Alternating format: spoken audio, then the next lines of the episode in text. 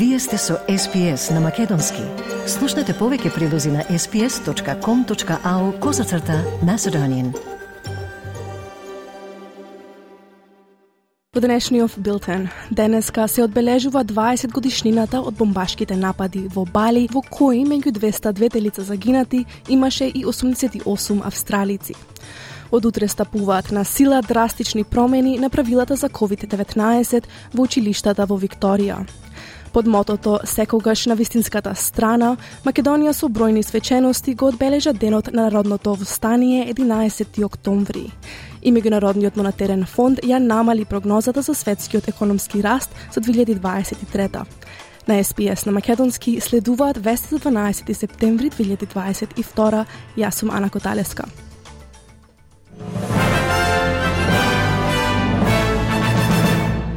Денеска се одбележува 20 годишнината од бомбашките напади во Бали, во кои загина на 200 луѓе, меѓу кои и 88 австралици. На 12 октомври 2002 година експлозија одекна во барот Падис во Бали, пошто следеше експлозија на бомба во автомобил пред клубот Сари. Нападите беа извршени од терористичка група поврзана со Ал-Каеда. Политичарите низ Австралија им оддаваат почит на жртвите на нападот, вклучително и премиерот Антони Албанезе, генералниот правобранител и пронешниот премиер Џон Хауард, кои присуствуваат на комеморативна служба во парламентот, предводена од министерката за надворешни работи Пени Вонг.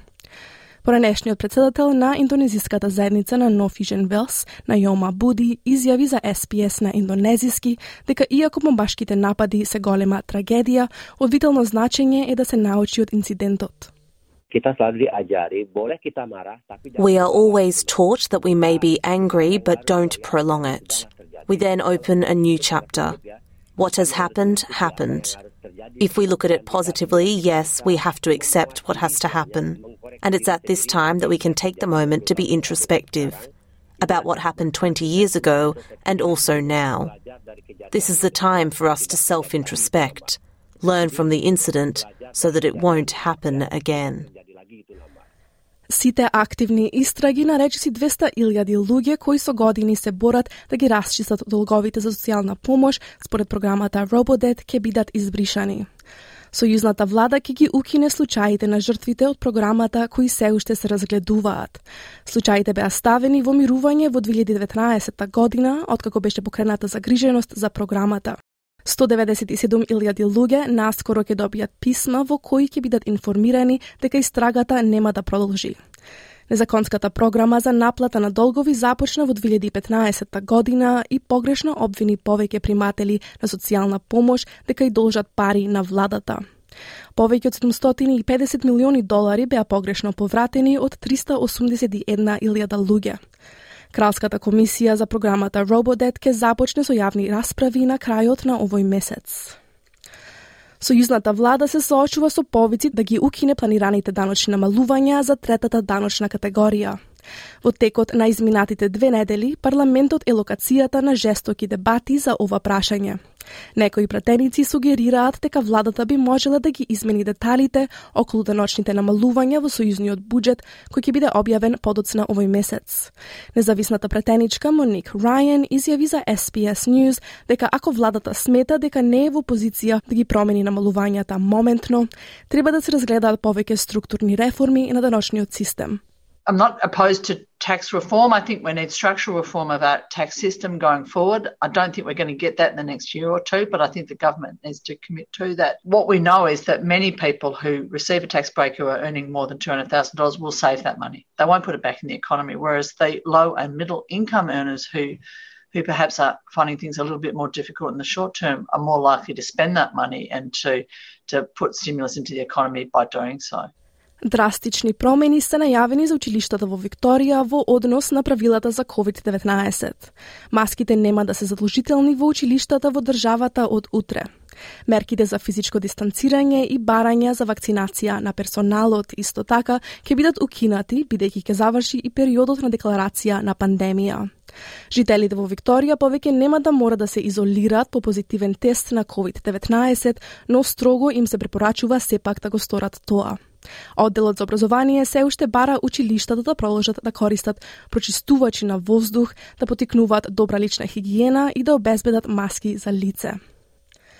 Австралија е домакин на министрите за надворешни работи на Босна и Херцеговина, посета која има за цел да ја подобри соработката меѓу двете земји. Министерката за надворешни работи на Австралија, Пени Вонг, вели дека пријателството на Австралија со Босна и Херцеговина е цитат зајакнато со врските меѓу луѓето и долгогодишната поддршка. Разговорите вклучуваа заедничка осуда на руската инвазија на Украина, како и обновена заложба за поголема соработка преку заедницата на босанската диаспора во Австралија. Госпогица Вонг вели дека ова вклучува поддршка за проекти за директна помош за локалните заедници во Босна и Херцеговина, кои се фокусираат на развој во образованието, родова еднаквост, луѓето со попечености и човековите права. Госпогица Вонг вели дека Австралија останува долгогодишен поддржувач на суверенитетот и територијалниот интегритет на земјата. to have you know, people uh, who have come to our country from yours. Uh, welcome to, here to Australia. Uh, look forward to our engagement. Uh, you know, we, we have we have nothing but um, goodwill for, for, for your country and, and uh, a great deal of recognition of the hardship that your people have, have experienced over many years. Централниот настан за одбележување на 11 октомври во Македонија се одржа пред спомен костурницата во Куманово, под мотото Секогаш на вистинската страна. Во својот говор по повод Денот на родното востание и 81-та годишнина од почетокот на антифашистичката борба во 1941, премиерот Димитар Ковачевски порача дека членството во Европската Унија за Македонија е стратешка цел – Тој потенцира дека сите досегашни и идни одлуки на државата ќе покажат дека македонскиот јазик и националниот идентитет е признат и потврден. Ковачевски се осврна и на актуелната политичка состојба во земјата, велики дека секоја генерација е исправена пред своји предизвици кои што бараат избор. Блокадите на закони и мерки дома на напредокот на меѓународен план Изолацијата на државата се погрешна страна и со ништо не може да се оправда ваквото однесување, бидејќи е современ чин на прелавство на својот народ и својата држава. Меѓународниот монетарен фонд ја намали прогнозата за светскиот економски раст за 2023, наведувајќи долг список на фактори кои ја вклучуваат војната во Украина, хронични инфлацијски притисоци, зголемените каматни стапки и долготрајните последици од глобалната пандемија. Агенцијата прогнозираше дека глобалната економија ќе забележи раст од само 2,7% следната година, што е помалку од стапката на 2,9% што ја процени во јули. Институцијата ги задржа прогнозите за раст од скромни 3,2% за 2022 година непроменети, што е нагло намалување од минато годишниот раст од 6%. Главниот економист на Меѓународниот монетарен фонд, Пиер Оливер Горничас, предупредува дека најлошото допрва доаѓа, велики дека наредната година за многумина ќе изгледа како рецесија. 2023 slowdown will be broad-based, with countries accounting for a third of the global economy expected to contract this year or next. The three largest economies, the United States, China, and the euro area, will continue to stall. In short, the worst is yet to come, and for many people, 2023 will feel like a recession.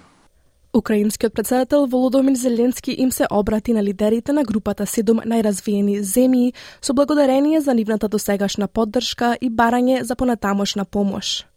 Обраќањето се одржа еден ден откако Русија лансираше ракети врз неколку украински градови, вклучувајќи го и главниот град Киев, кои погодија и војни и инфраструктурни цели и оштетија цивилни области.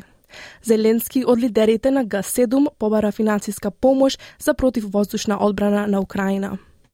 Шановни друзи, Dear friends, Mrs. Prime Minister Truss, Prime Minister Trudeau, Prime Minister Kishida, dear President Charles Michel, dear Ursula von der Leyen, I'm asking you to strengthen the overall effort to help financially with the creation of an air shield for Ukraine.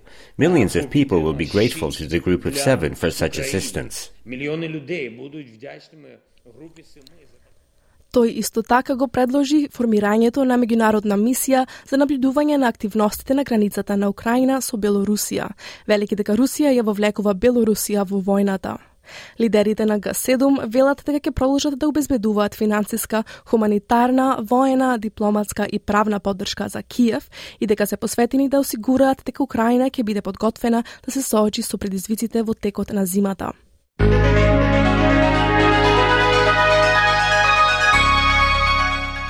Од најновата курсна листа денеска еден австралиски долар се менува за 0,65 евра, 0,63 американски долари и 39,66 македонски денари.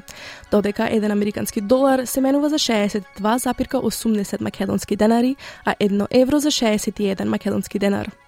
И на кратко временската прогноза за главните градови за утре четврток 13 октомври. Сончево за Перт 20 степени. Врнежливо за Аделаид максимална температура ќе достигне до 15 степени. Врнежливо се очекува и за Мелбурн со поголем интензитет 18 степени. Врнежливо за Хобарт 18, 19 за Камбера со слаби повремени врнежи. Делумно облачно за Сиднеј 22 степени. 24 за Брисбен делумно облачно, слаб повремен дожд и и можна бура за Дарвин 33 степени и 24 во Алис Спрингс со делумно облачно.